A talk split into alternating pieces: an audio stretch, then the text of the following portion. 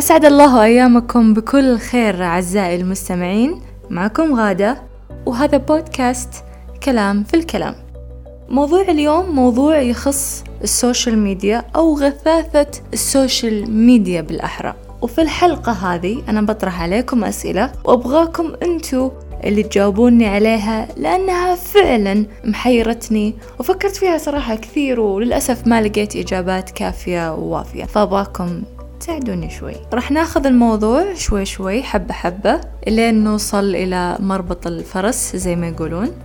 فبداية حنتكلم عن الأشخاص الغثيثين في ال social media سواء كانوا مشاهير أو حتى غير مشاهير. وطبعا هم لهم مجموعة من الأنواع. فمثلا إذا بنقول المشاهير اللي هم بحد ذاتهم مستفزين. هم أساسا شهرتهم وصيتهم لأنهم مستفزين لأنهم يضايقون العالم يضايقون الجمهور اللي هم يقدمون له آه هذا المحتوى. حلو. وفي ناس لا هم يأخذون المواضيع المستفزة ويتكلمون فيها.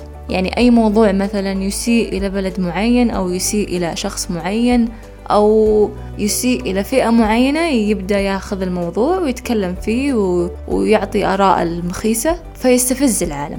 مساكين ولكن هذا يعني قليل جدا انه نقول عنهم إنهم مساكين أو إنهم غلبانين أو إنهم ما يدرون. ولكن بالعادة هم يستقصدون إنهم يختارون هذه المواضيع أو يختارون حتى هذه الشخصيات. السؤال هنا في في هذه الفقرة حنا لما نكون عارفين وموقنين تمام الإيقان أن هذا الشخص مستفز أو أنه هذا الشخص يختار مواضيع مستفزة. ليه في كل مرة ننساق لهذا الاستفزاز؟ ونستفز ونعصب ونثور ونحكي فيه في المجالس ونحكي فيه في تويتر ونحكي فيه في كل مكان. إنه شوفوا وش سوت فلانة شوفوا وش قال فلان شوفوا وش حط فلان. ليش؟ ليش؟ حنا عارفين إنه الأسماء هذه واحد اثنين ثلاثة أربعة هذول كلهم هم شغلتهم كذا. هم كلهم يحصلون ويكسبون المال بهذه الطريقة. ليه؟ نستفز. نخلي شوي المشاهير نخليهم لأنه مو كل مستفز مشهور ولا كل مشهور مستفز. فنتكلم عن الناس العاديين اللي يشوف موضوع مستفز أو شخص مستفز ويقوم يسوي له رتويت يشير إليه ويقول شوفوا وش قال فلان شوفوا وش حط فلان انظروا ماذا فعلت فلانة. أنا الحين قد أكون ما ضفت هذول المشاهير ولكن أنت في كل مرة تجي تنبهني عليهم. ليش أنت يا أيها الشخص اللي أتوقع أنه أنت في مكانة المرسال ليش تشير إلى هؤلاء الناس اللي هم مستفزينك واللي هم مضايقينك وتخلي الناس الآخرين يرونهم؟ أنت شغال تسويق لهؤلاء الناس. ما أنا ما دريت عنه أنا ما ضفته أساسا بس أنت نبهتني. أنت خليتني أشوفه. أنا ما أبغى أشوفه. ليش تخليني أشوفه؟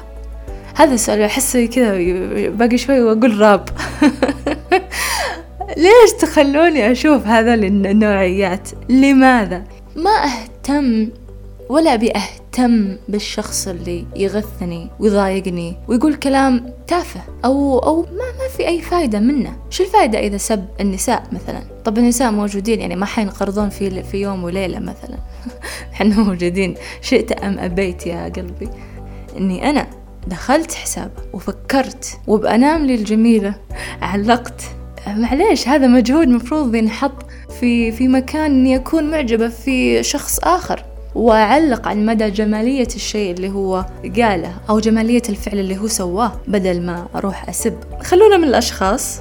خلينا نشوف المعلومات اللي أشكال والوان صور وصوت وكلام. حنا عندنا شيء اسمه ذاكرة مجانية في مخنا. الذاكرة هذه تقرأ وترى وتسوي سكان لأي شيء يمر علينا. أي شيء أي شيء. وبعدين تخزن أو يتواجد في اللاوعي. وبعدين اللاوعي كذا يسوي طبخة كذا مرة رهيبة.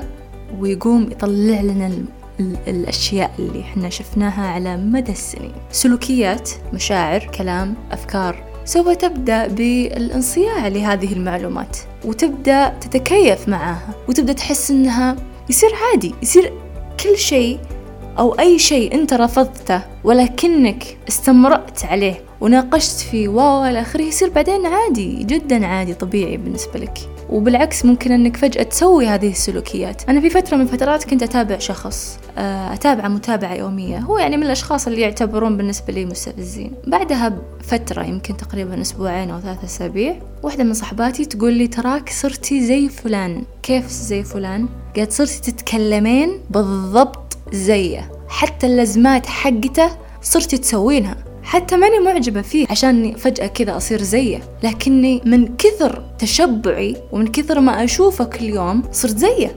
في كثير من المرات ما تكون تدري تفاجأ أنك أصبحت متبني لفكر معين سلوك معين وأنت والله ولا داري حتى.